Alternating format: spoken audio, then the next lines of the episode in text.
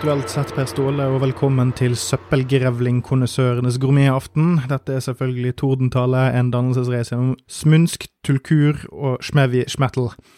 Dagens tema er jo, for de av dere som kan lese, selvfølgelig, er Black Sabbath. Men litt eh, mer utvidet enn det, så er det Black Sabbath sin plate Forbidden. Og for de som kan noe som helst om Black Sabbath sin formkurve og platekarriere, så sier det seg jo sjøl at dette her er en del av subserien Forhatte plate. Eh, nå har jeg jo hatt eh, to Forhatte plate-episoder før.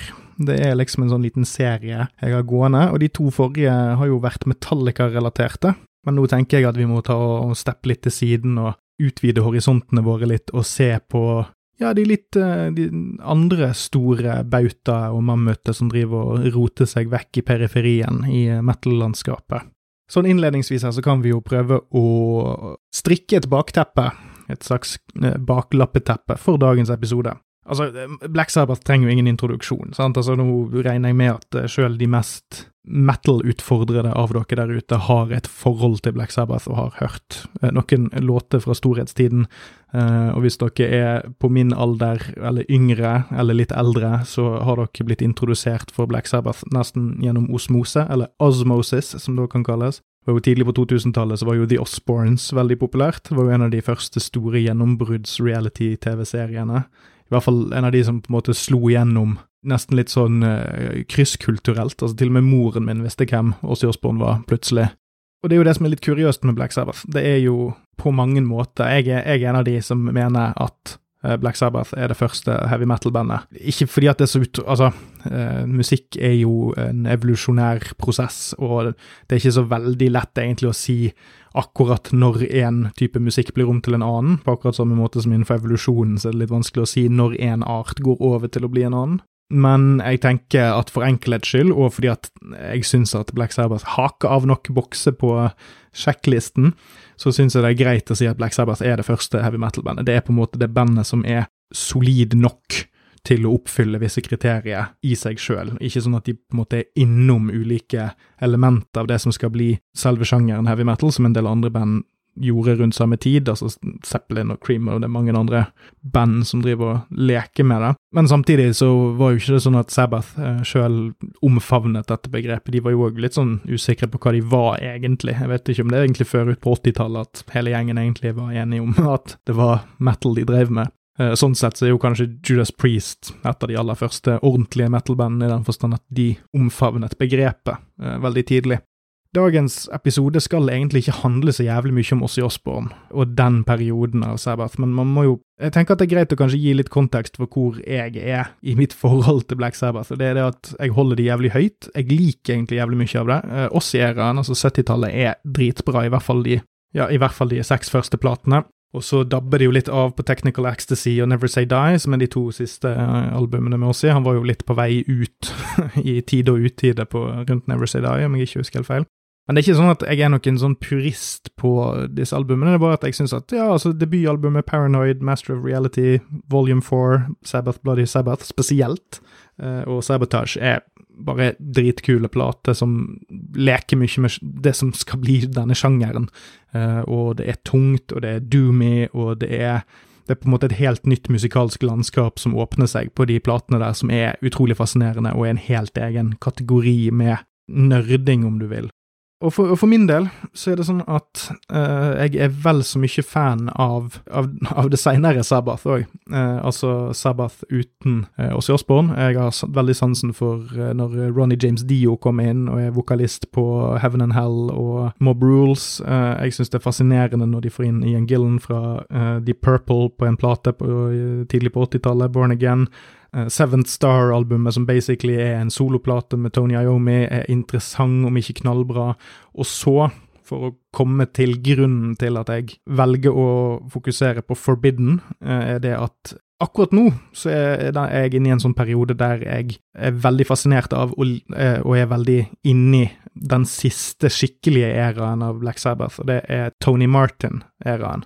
Altså den perioden der Tony Martin var vokalist. Han kommer inn på The Eternal Idol i 1987, og så synger han på Headless Cross i 1989 og Tyr i 1990, og så tar han en pause fra platen Dehumanizer i 1992, der eh, Tony Iommi og Geezer Butler og Vinnie Appice er reunited med Dio for et eh, vellykket album, men en ganske mislykket turné.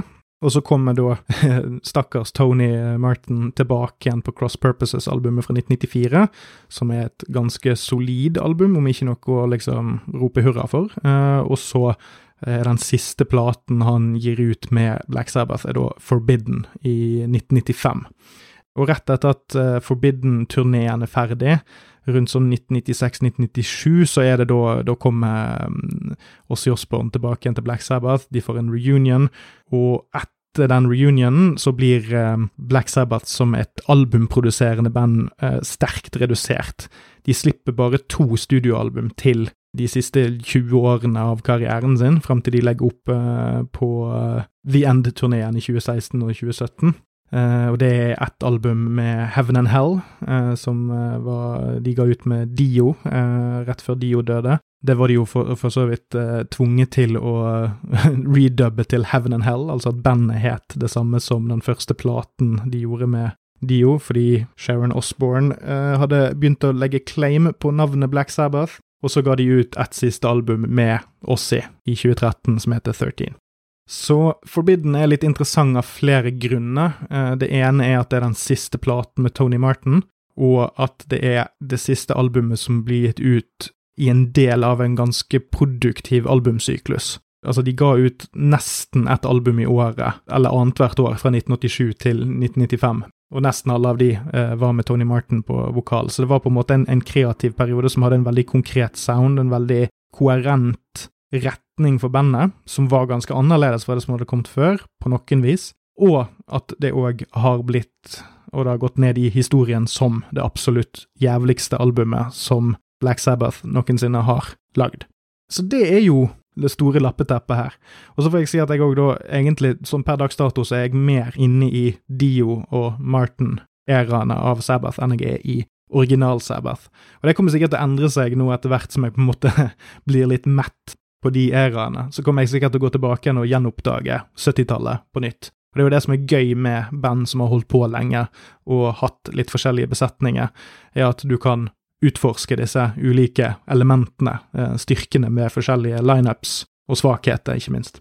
Og når man ser sånn, sånn grovt på det, altså at du har Ossi, du har Dio, og så har du en sånn midtperiode med Born Again og uh, Seventh Star-albumene, der det er ikke en helt sånn konkret plan for hvordan ting skal høres ut.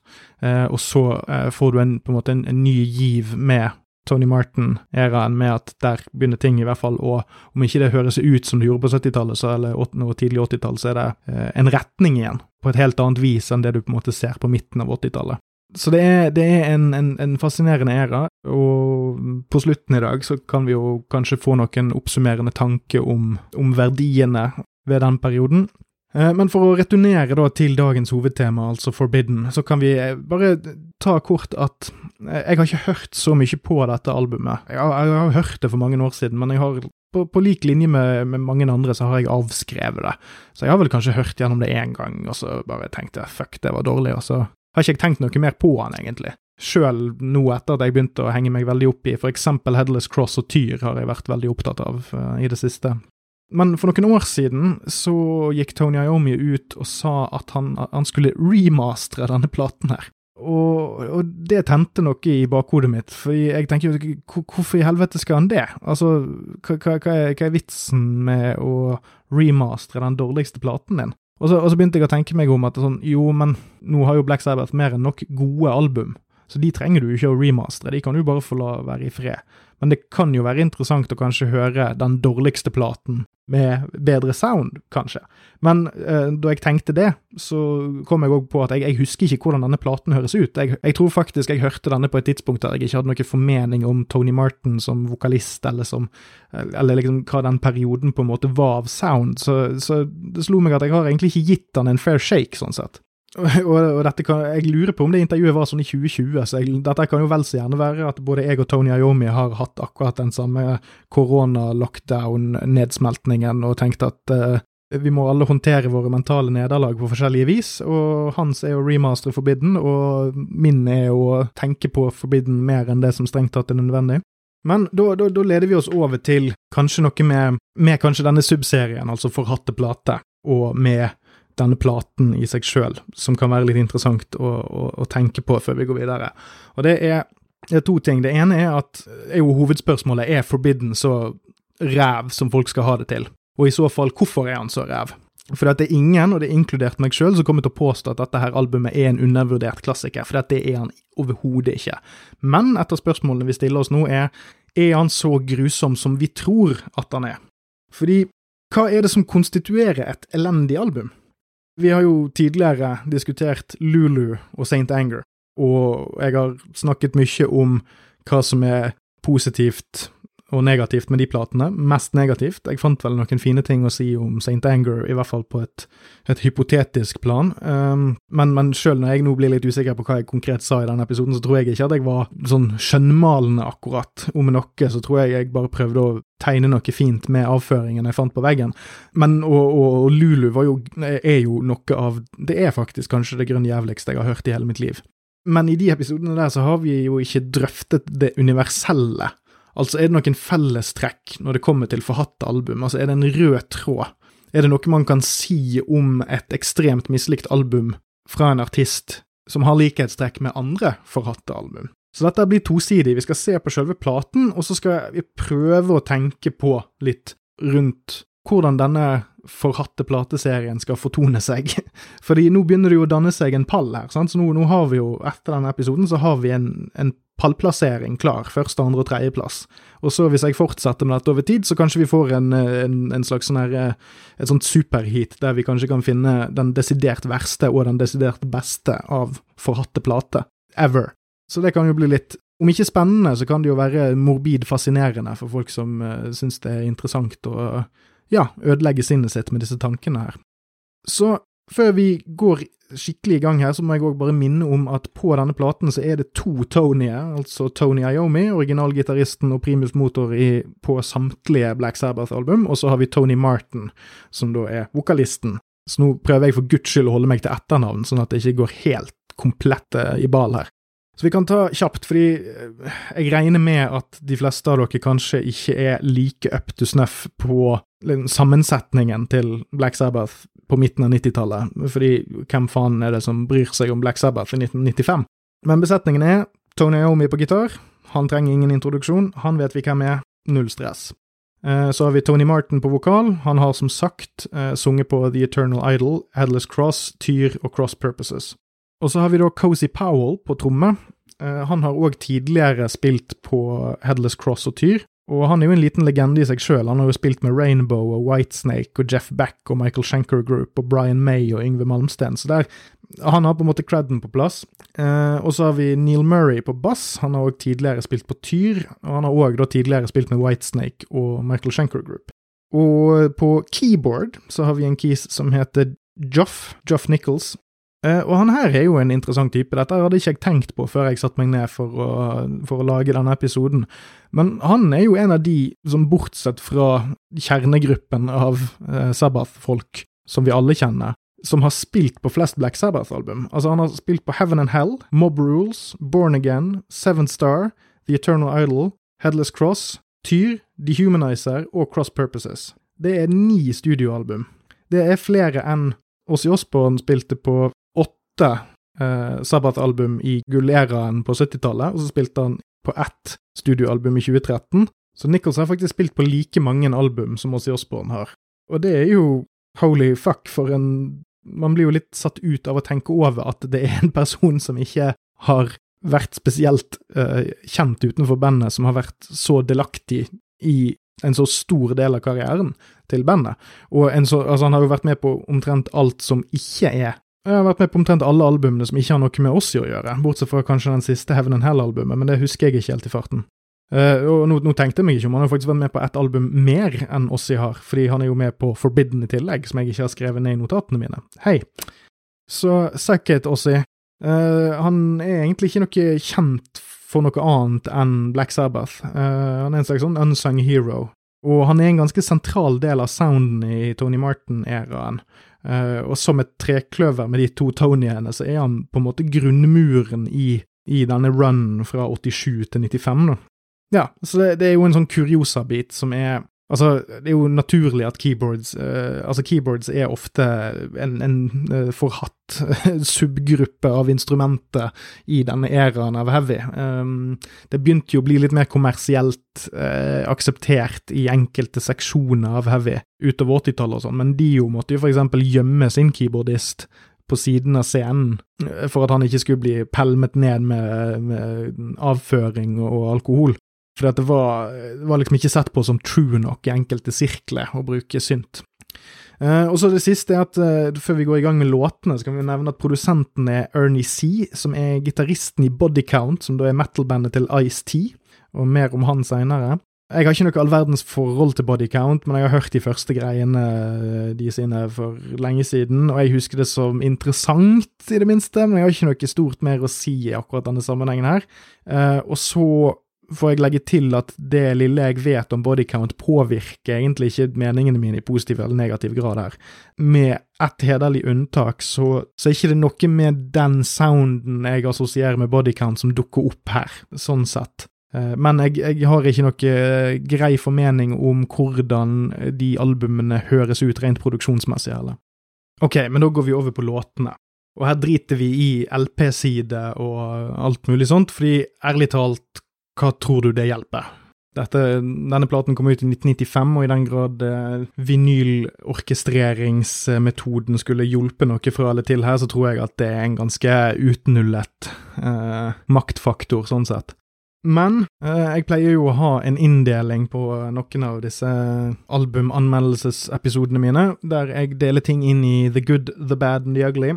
Eh, som er en veldig veldig forvirrende og egentlig strengt tatt veldig unødvendig inndeling, fordi jeg er jo hver gang nødt til å forklare hva de forskjellige kategoriene faktisk betyr. Men det er mitt show, så mine veier er uransakelige. Eller de er kanskje ransakelige, men det er veldig få av dere som har ransakelsesordre og den typen ting i boks. Med mindre dere sitter på politihuset og hører på dette, og i så fall så angrer jeg ingenting. Um, men ja, sant. Du har the good, det er det som er bra, eller i hvert fall eh, akseptabelt og godt innenfor. Så har du det uh, the bad, som er det som er midt på treet til OK, med, en, eh, med ymse nedtrekk. Og så har du det som kalles the ugly, og det er det som er beint ut dårlig og forferdelig. Men denne gangen så skal vi ta det i en litt annen rekkefølge, for nå tenkte jeg at vi faktisk skulle ta the ugly først. Og grunnen min til det er fordi jeg tror det bare setter tonen litt bedre og hjelper oss litt med å, å skjønne og, og, plukke opp noen litt viktige lærdommer som skal, eh, vi skal ta med oss videre eh, mot avslutningen. Så nå gønner jeg gjennom alle låtene, men de kommer i forskjellige kategorier. Ok, The Ugly, beint ut dårlig. Første låt, The Illusion of Power, featuring Ice-T, som da er åpningssporet.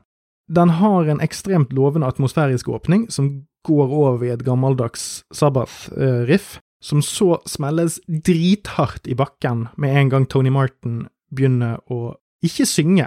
Fordi at det gjør han ikke. Han kommer inn og gjør det jeg best kan beskrive som jalle, eh, og han jaller i vei halvveis urytmisk og halvrappete. Det er ikke direkte rapp, men det er et slags forsøk på å komme rappen i møte på halvveien, og refrenget er ekstremt cringe, som nevøen min ville kalt det.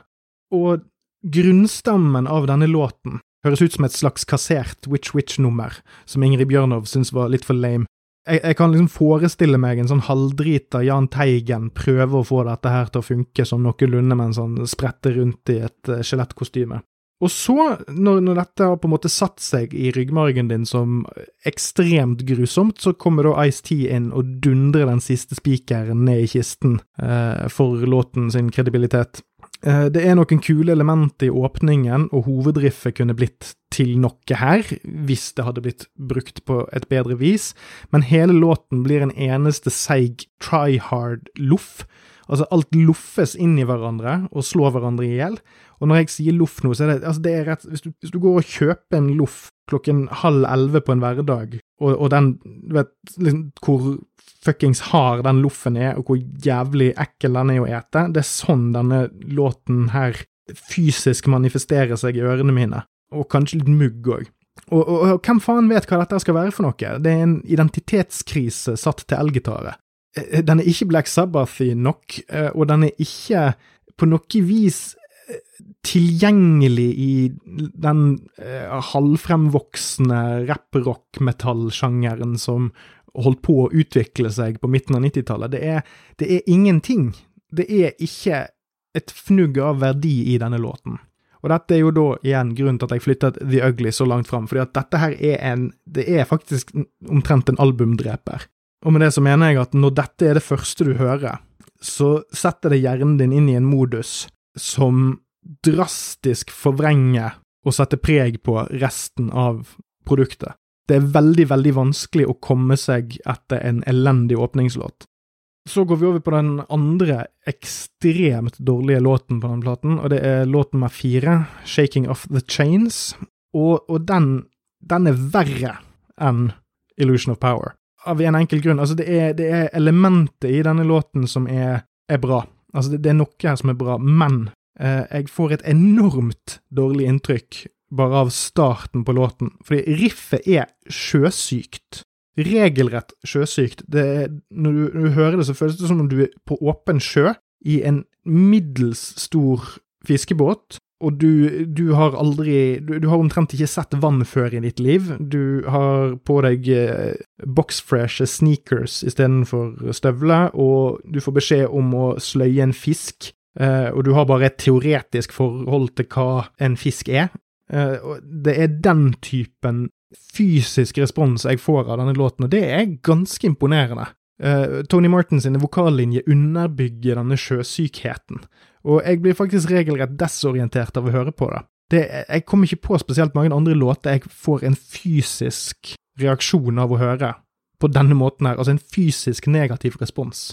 Og så går låten over til et ganske sånn kult Maiden-inspirert Dio-æra-aktig hovedriff, som trekker drastisk opp men så er det et dårlig midttempo-mellomspill som trekker veldig ned igjen. Så denne låten er nesten 50-50 elendig og ålreit når det kommer til det faktiske materialet. Så den, den, den kommer så vidt med i ugly-seksjonen på grunn av den ekstremt dårlige første delen.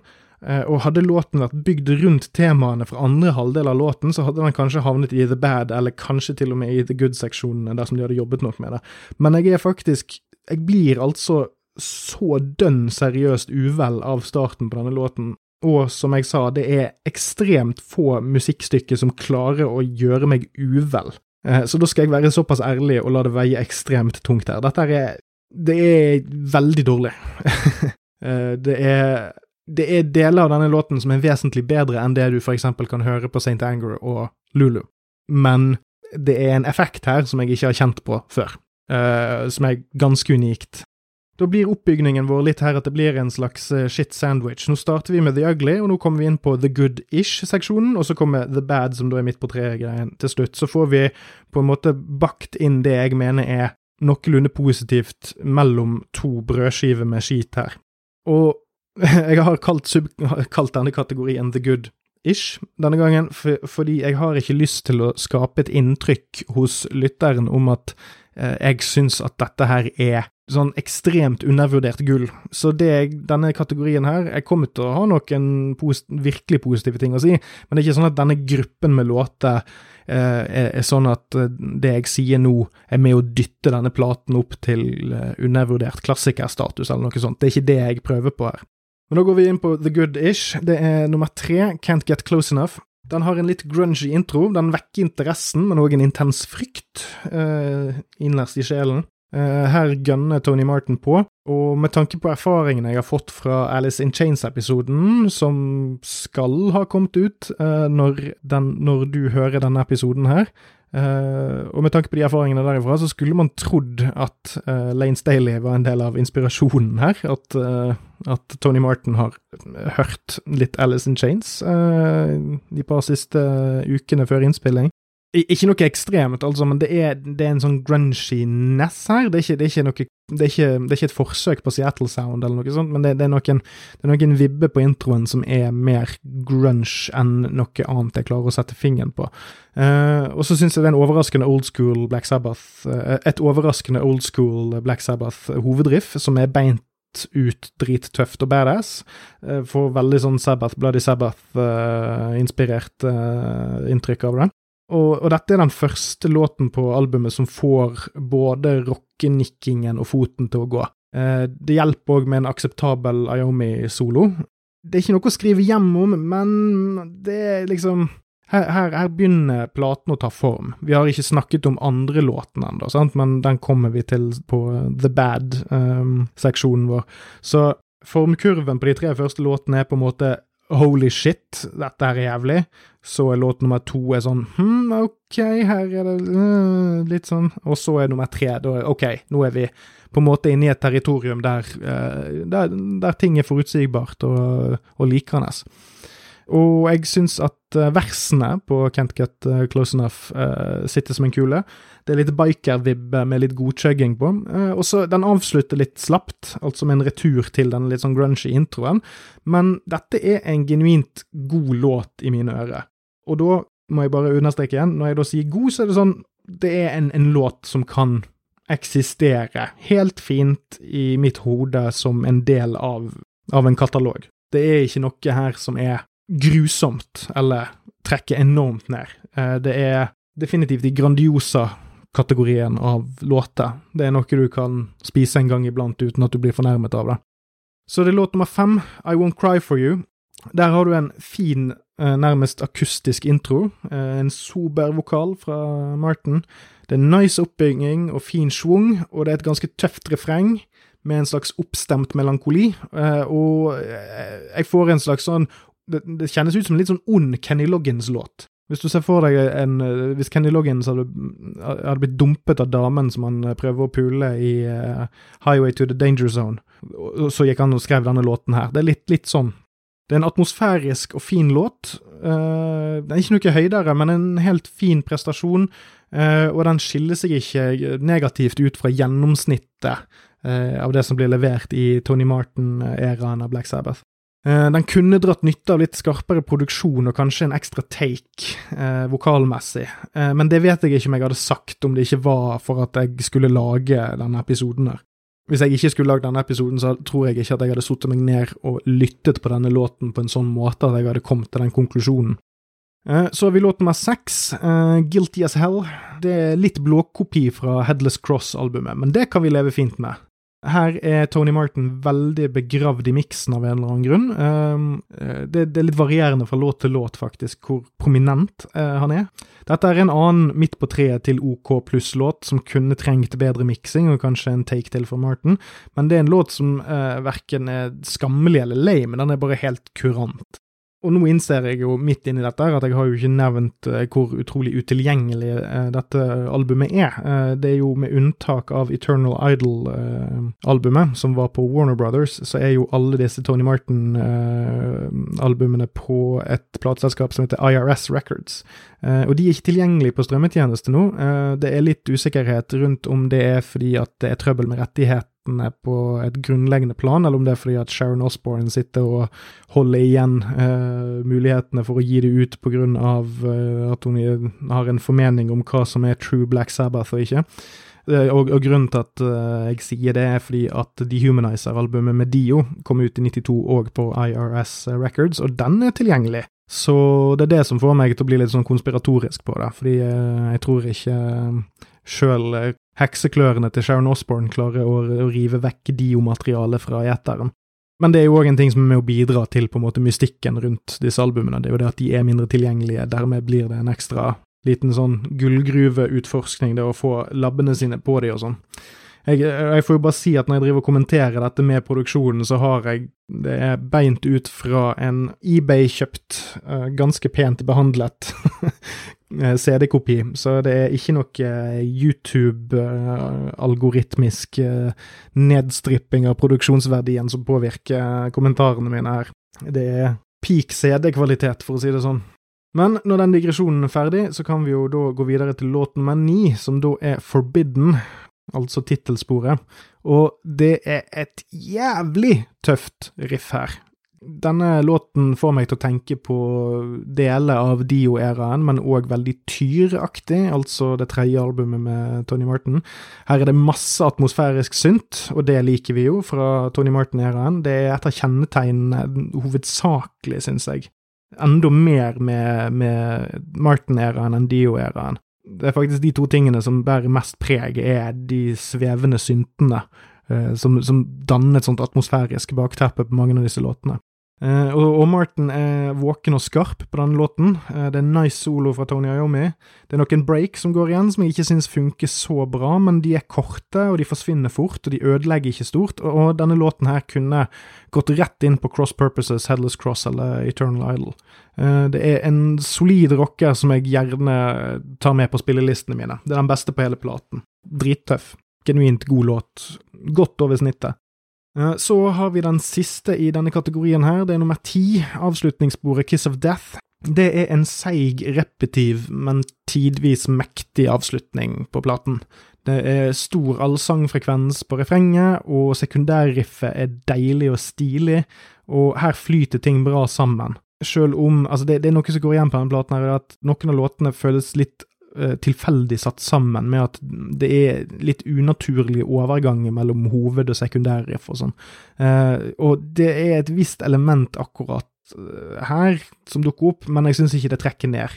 Eh, og jeg syns det er en smådeilig avslutning på albumet. Den, den, det er en, en svever. Eh, den flyter over vannet på et vis. Eh, og Martin synger nice på denne låten, og den har et veldig fint og episk preg. Så for de som holder tellingen her, så er det da at på de to første kategoriene våre, The Ugly, så har vi to av ti. Altså to av ti låter havnet i Ugly-kategorien. Uh, og i The Good-ish så er vi nå oppe i fem av ti, som er lovlig bra. Men da går vi over på, på The Bad, altså midt på treet minus. Og da går vi tilbake igjen til låt nummer to, Get a Grip. Den har et ganske lovende hovedriff, selv om det er gjenbruk fra tidligere Martin-album, men den ramler og snubler og slår trynet sitt i brosteinen når bandet prøver å sette sammen versene og refrenget som Martin synger. Og det er en sånn småsolo tidlig i låten fra Ayomi som ikke funker, og det er litt sånn spesielt å legge merke til. Eh, men denne låten kunne blitt noe kult når den ble stor, eh, men den ble sendt på eh, internatskole altfor tidlig, og er rett og slett ikke klar. Um, den har en ganske god base i riffet til Ayomi. Uh, den har en ganske god base der, men den er regelrett dårlig satt sammen. Uh, men det er et ekstremt kult riff på slutten, der de slår om takten litt, og den biten skulle jeg ønske at var grunnlaget for en helt egen låt. Og mye av grunnen til at jeg plasserer denne låten så lavt, er nettopp det. Den har minst to bortkastede riff som hver for seg kunne blitt noe veldig fett. Så den leker med å havne i ugly-seksjonen, men det er, her er det mer på en måte gull i låten som hever den litt opp fra å være forkastelig. Den lukter på det, men det er, det er for mye bra som ligger og, og vaker under. Så har vi Sick and Tired, låt nummer sju. Den er bare kjedelig. Det er ikke noe verre enn det. Produksjonen er noe slapp og tørr. Martin er ufokusert uh, her, og det er jo spesielt relativt til året før, altså Cross Purposes-albumet som kom ut i 1994, uh, eh, der han var mye mer våken enn han er på de verste Altså, på det, på det slappeste på den platen så er han mye mer våken enn han er på en del av materialet her. Og så er det noe pussige orgelgreier i bakgrunnen. Soloen er regelrett dårlig, som òg er trist. Men, men, det er en tøff trommeintro som dessverre trekkes ned av at det høres ut som om trommene er trukket med pungdyrskinn. Uh, men ellers så høres det ut som en slags Toto rip-off. Altså, jeg, jeg, får veldig sånn Toto som tilber Satan-aktig inntrykk av denne. Den kan kalles I Curse the Rains Down in Africa, for eksempel. Og da kommer vi til låt nummer åtte, Rusty Angels. Uh, det er et slapt riff, men ikke verdens verste. Litt Maiden-esk. Kommer seg litt i bridgen. Det er en kommerslåt, litt sånn radio AOR-aktig. Det er kule power chords i overgangene, men det er en veldig, veldig slapp låt, eh, og Martin høres trøtt ut her òg. Uh, mellomspillet skifter tone totalt, går over til et rimelig greit riff, og en ganske kul, nesten drittøff solo, uh, solo fra Tony Iommi. eh, men låten er ikke helt snekret sammen. Men det er ikke en låt som skriker elendig inn i ørene dine. Bare, ja, slapt. som passe ålreit.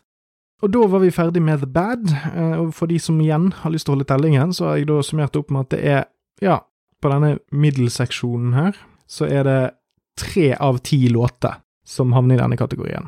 Så summa summarum så er det halvparten av albumet vil jeg si er middels pluss, pluss, pluss, mens den andre halvdelen er under middels til grusom.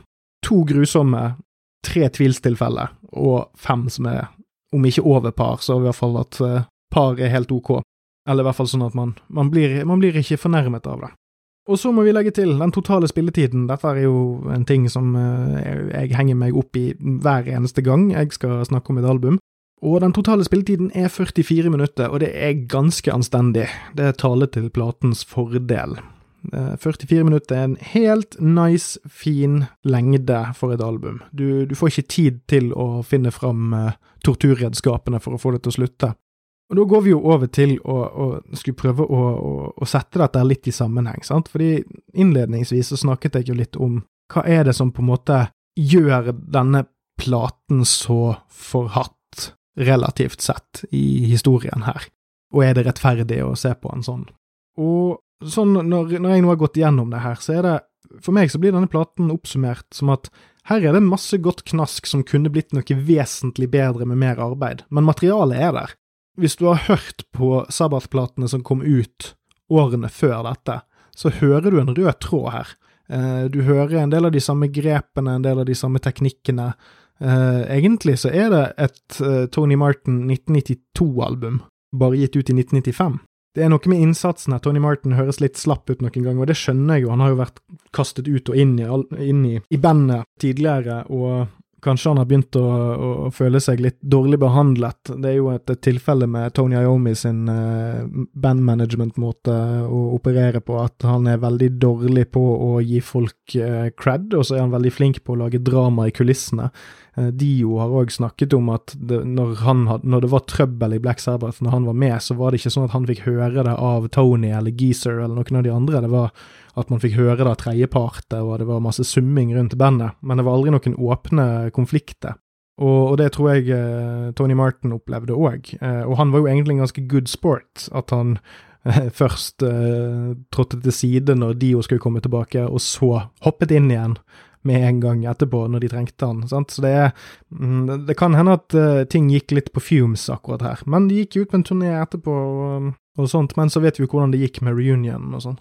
Men, men, sånn utover det, da. Sant? Altså, jeg kunne sett for meg at hvis dette hadde blitt produsert under litt andre omstendigheter, og ikke med en sånn 'å, nå er vi nødt til å få inn en kul, hip, uh, hip with the kids'-produsent som kan jazze dette opp for oss og sånn, for jeg, jeg, hører ikke at Ernie C skal ha liksom, bidratt med noe annet enn bare en tørr, dårlig produksjon her. Det er ikke noe med sounden egentlig som er en modernisering eh, av Sabbath-sounden. Det er Black Sabbath 1987-sounden, bare med dårligere opptak og med litt dårligere materiale. Men, men det var én ting jeg tenkte på, er jo at de tre siste Black Sabbath-studioalbumene det er jo på en måte en baklengs gjennomgang av de mest kjente vokalistene i motsatt rekkefølge. Altså at Tony Martin ga ut i sitt, sitt siste album i 95, så var det Dio i 2009 og Ossi i eh, 2013. Så da tenkte jeg at da, da må jeg jo ta og, og tenke litt på hvordan hvordan den måler seg opp mot de platene, da? Er det sånn at den her er eksepsjonelt grusom sammenlignet med de? Fordi man fikk på en måte en avslutning med disse tre siste studioplatene, at, hver era på en måte fikk en avslutning, et siste verk med eh, de forskjellige lineupene. Så da gikk jeg tilbake og, og sjekket ut 13, eh, som jeg eh, ikke har hørt på spesielt mange ganger. Og inntrykket mitt av 13 er at den er jævlig meh. Altså, ikke noe jævlig, men den er bare beint fram kjedelig. Altså, hele platen er kjedelig. Det er retro på tomgang og uten punch i miksen. Det er sånn uh, Rick Rubin-produsert møljeproduksjon. Og, og, spesielt siden de slang på jeg, Dette er en pet peeve for min del, men når man på strømmetjeneste slenger på ekstraspor uten å skille de ut fra hovedplaten, det er noe jeg virkelig fuckings hater. Det bare trekker ut så jævlig. Jeg tror albumet varer i en time og et kvarter med de her jævla ekstralåtene. Og folk må faen meg slutte med det der. Men til 13 sitt forsvar, så er Methodemic, som er et av ekstrasporene, er faktisk et ekstraspor som er bedre enn flere av hovedsporene på platen. Det var faktisk den eneste låten som jeg beit meg merke i når jeg hørte gjennom, og som jeg satt og tenkte på etterpå at var ganske grei. Så det, det er sånn Ja, veldig kjedelig, grautete Hva var vitsen? satt jeg litt igjen med som konklusjon på 13. Uh, og så er det jo det siste albumet med Dio. Altså, som jeg nevnte, så er det jo egentlig under monikeren Heaven and Hell, altså at bandet heter det, men det er et Black Sabbath-album. Og den er definitivt den beste av de tre platene her. Eh, den er ikke nødvendigvis en enorm contender eh, dersom du sammenligner med de andre platene Dio gjorde med Black Sabbath. Jeg vil faktisk tenke at det er på en fjerdeplass. Jeg vil holde Heaven Først er det Heaven and Hell, så er det Dehumanizer, så Mob Rules, og så uh, The Devil You Know. Men den er atmosfærisk og gjennomført, og så får den litt trekk fra meg for litt sånn tidstypisk tørr produksjon, og at den er seigere enn den trengte å være. Dio hadde jo flere kule og feite uptempo-sanger, som, som, det manglet litt av her, på The Devil You Know. Og, og det der med produksjonen, mener jeg, altså det er et eller annet pussig som Det var et eller annet pussig som skjedde med heavy metal-produksjonen på 2000-tallet, eh, spesielt på litt sånn klassiske greier, at, at istedenfor Altså, det, det virket som om man var redd for for denne her eh, store klangen med, med masse fin reverb og sånn både den og 13 egentlig høres veldig, veldig sånn miksepult-gitaraktige ut. Det er ikke så mye god romlyd i han, for å si det sånn. Og så hører du at det er litt sånn gebissvokal fra Dio, da, altså rett og slett det at han har fått seg noen nye tenner, og det påvirker litt hvordan han høres ut til tider. Men eh, summa summarum med The Devil You Know er jo at det, det virket som en plate som, de, som de ville lage, i motsetning til 13, eh, som på en måte bare måtte til fordi de hadde tenkt å avslutte eh, Black Sabbath som konsept, i hvert fall med, med, med Ossie. Og, og, så gikk jeg òg litt tilbake igjen til eh, de, de, siste Den andre dårlige platen i, i Black Sabbath, uh, Puristøyne. Sant? Det er jo Never Say Die fra 1978. Det er det siste albumet med Ossie, før reunion. Og med unntak av den første låten, som er tittelsporet, som jeg egentlig ikke syns er så jævla bra, men den er nå ganske sånn ok. og whatever, så er det òg en, en, jævlig dårlig plate, egentlig. Så, sånn, veldig sånn forvirret og sånn tjo og hei, pussig greie, uh, som, er, som, er, veldig rar og, og, og litt sånn fiendtlig mot mine ører. Uh, den er jo for så vidt greit produsert, sånn, men er bare, den er så ekstremt målløs, og, og bandet aner ikke hva de driver med på det albumet. Ossi hadde jo vært inn og ut, og det var masse drama, bla, bla, bla. sant? Og det, det er jo òg tilfellet med Forbidden. Det er mye pussige greier som foregår i kulissene her, som òg da påvirker uh, sounden. sant? Altså Sikkert et plateselskap som er ganske lei av at uh, Sabbath ikke selger nok plate, eller whatever. Som å, få inn en kul, hip produsent, å, få inn noe rapp. sant? Altså det, det, er mange ting her du kan, du kan peke på som kan påvirke, men jeg syns ikke at Never Say Die sånn sett er et album som, som er så jeg vil ikke sagt at det er bedre enn Forbidden, faktisk. Det, jeg vet ikke om det er noen som kommer til å myrde meg for å si det, men jeg, jeg tror faktisk jeg ville satt Never Say Die under Forbidden, eh, sånn for konteksten sin del. Fordi, som jeg nevnte med Forbidden, så er det i hvert fall at man kan høre at det er en slags plan der. Altså en eller annen slags sound man har. Et eller annet som funker, som ligger i bunnen. Men med Never Say Die når jeg bare, hørte jeg kjapt gjennom den uh, her forleden. og jeg jeg syns bare det var kaos og, og, en serie med veldig rare eh, avgjørelser på det albumet. Og så kan jeg jo òg, som jeg har nevnt noen ganger òg, eh, si at Cross Purposes, den siste platen som eh, Tony Martin gjorde med Black Sabbath før denne, kom ut året før, den er mye, mye bedre enn denne platen. Eh, den er, har saftigere produksjon, den har Geezer Butler på bass, det hjelper jo. Eh, det er eh, ikke, ikke, liksom verdens beste Black Sabbath-album på noe vis, jeg vil ikke trekke den fram som noe sånn undervurdert skatt, men den er eh, en, en, fin samling med låter. Eh, som har et særpreg og har en god chug og en, en visjon, en, en, idé om hva den skal være. Og det, der, der, tror jeg kanskje vi begynner å nærme oss et slags omriss av hva jeg tenker med disse her forhatte platene. Eh, at jeg tror det som trekker opp for min del, er hvis det, det føles som om at bandet, om ikke de vet hva de driver med, så har de i hvert fall en formening om hva de driver med. Det trekker opp. Så, nå har jeg jo vært inne på noen av disse elementene, men hva er det som er grunnen til at Forbidden huskes som så jævlig som den er? Hvorfor er den så forhatt? Og jeg må trekke et par konklusjoner her. Eh, og dette er, sant, Dere kan putte inn hvor mye eh, fordommer om eh, meg som programleder som dere vil her. Dette er mine pet peeves og måten jeg hører musikk på, så det er jo selvfølgelig jævlig subjektivt. Men dette er jo da Per Ståles hot take-bonanza dere hører på. Egentlig, Det er egentlig det som er originaltittelen på showet. Det var produsentene som insisterte på tordentallet, de trengte noe litt mer kommersielt. Vi har gått litt i minus på grunn av det. Men eh, jeg mener faktisk at masse av backlashen her kan skyldes at det som ikke var rapp-infusert på denne platen, og var jævlig utdatert i 1995. Altså at restematerialet på dette albumet, det som faktisk er ok i mine ører, bare hørtes ekstremt urgammelt ut i 1995. Og det har nå blitt jevnet ut med tiden. Altså at når jeg sitter og hører dette her i 2022, så har jeg en helt annen oppfatning av hva konseptet Black Sabbath skal være for noe, er, eh, enn man hadde i 1995, når eh, alle disse gamle dinosaurbandene begynte å drite seg ut én etter én etter én. Altså, det var nye tider på mange vis. Sant? Du hadde 70-tallet, og så var det en stor omveltning på 80-tallet, og så på 90-tallet så var det en komplett free for all. Sant? Grunchen kom inn og ødela alt for de gamle dinosaurrockerne, og så hadde du rapp og hiphop som var på vei opp. Og, og det, det, det, er det jeg tror er, er tilfellet her. Og om noe så er jeg faktisk imponert over hvor lite parodisk i tiden de prøver å være på denne platen her.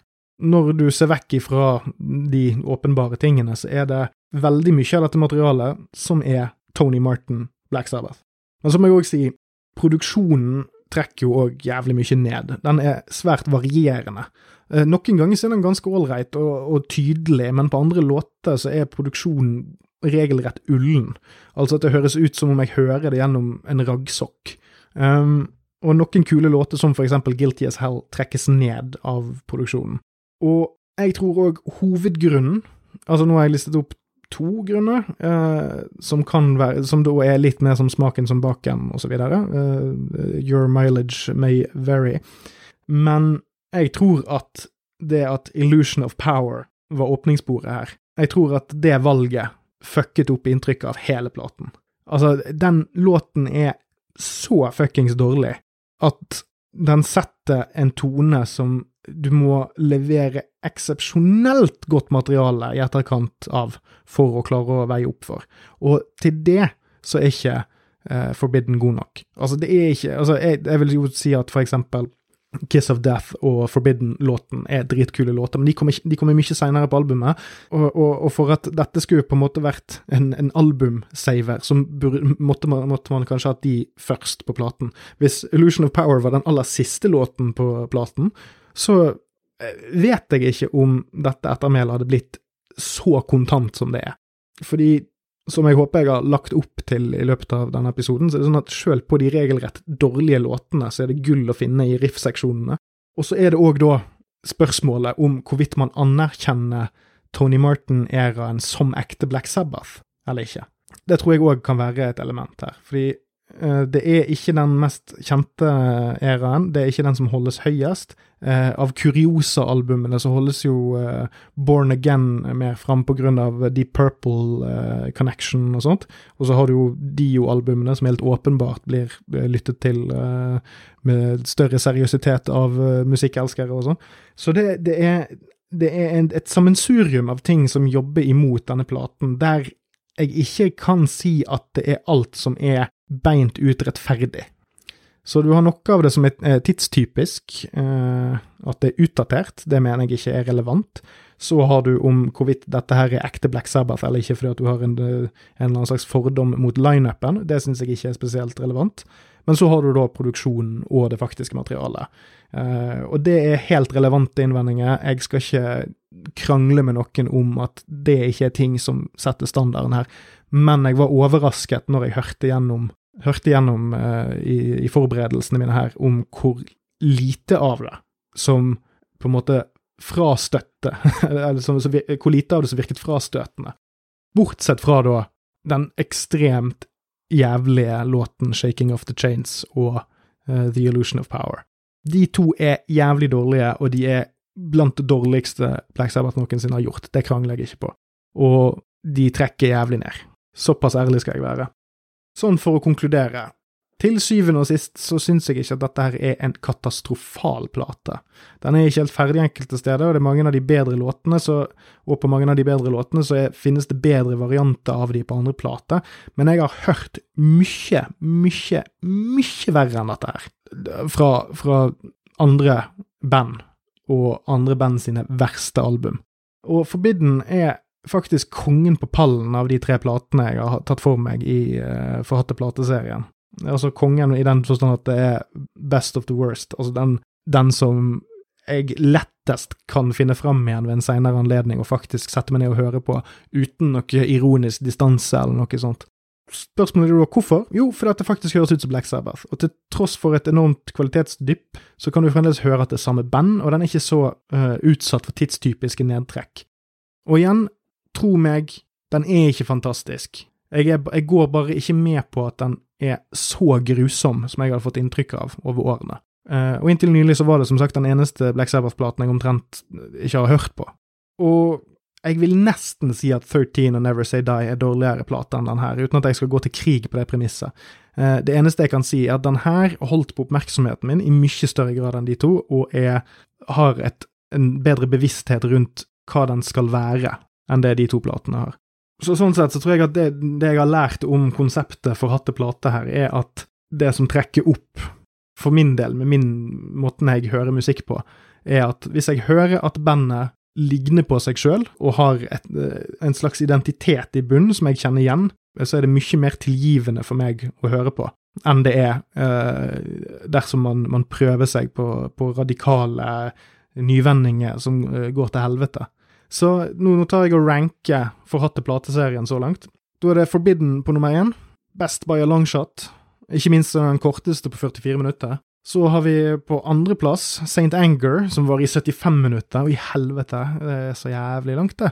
Eh, og den synder jo på eh, de premissene jeg nettopp eh, forklarte. Altså, der er Metallica desperate. De driver og, prøver å finne ut hvem de er. De, de, liksom alt har gått opp i limingen, alt er opp i luften. Den kan være interessant å høre på, jeg har sagt positive ting om den, men den er eh, mye verre enn Forbidden, eh, sånn sett, ut ifra hvem Metallica var, og hvem Metallica er mens Forbidden syns jeg står seg bedre i et sånt karriereperspektiv. Og så har vi jo da helt nederst på pallen, og jeg regner med at dette er en pall som uh, den ikke kommer til å være på spesielt lenge. Uh, jeg tror den kommer til å rykke ned på både fjerde, femte, sjette og sjuende plass for hver nye installment i denne serien. Men så har vi jo da Lulu, soleklart verst.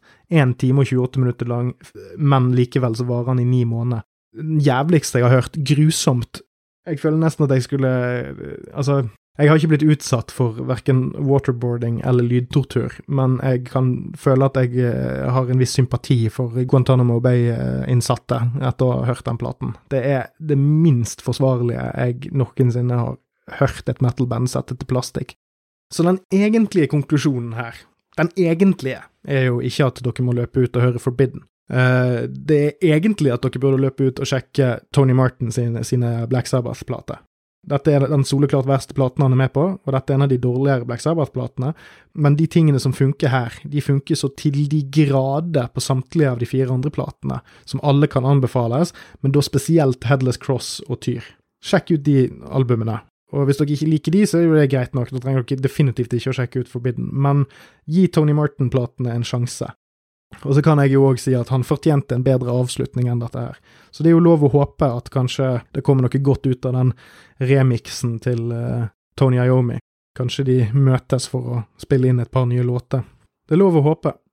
Så da får jeg atter en gang takke dere for at dere har uh, vært tålmodige med meg og min lille psykose.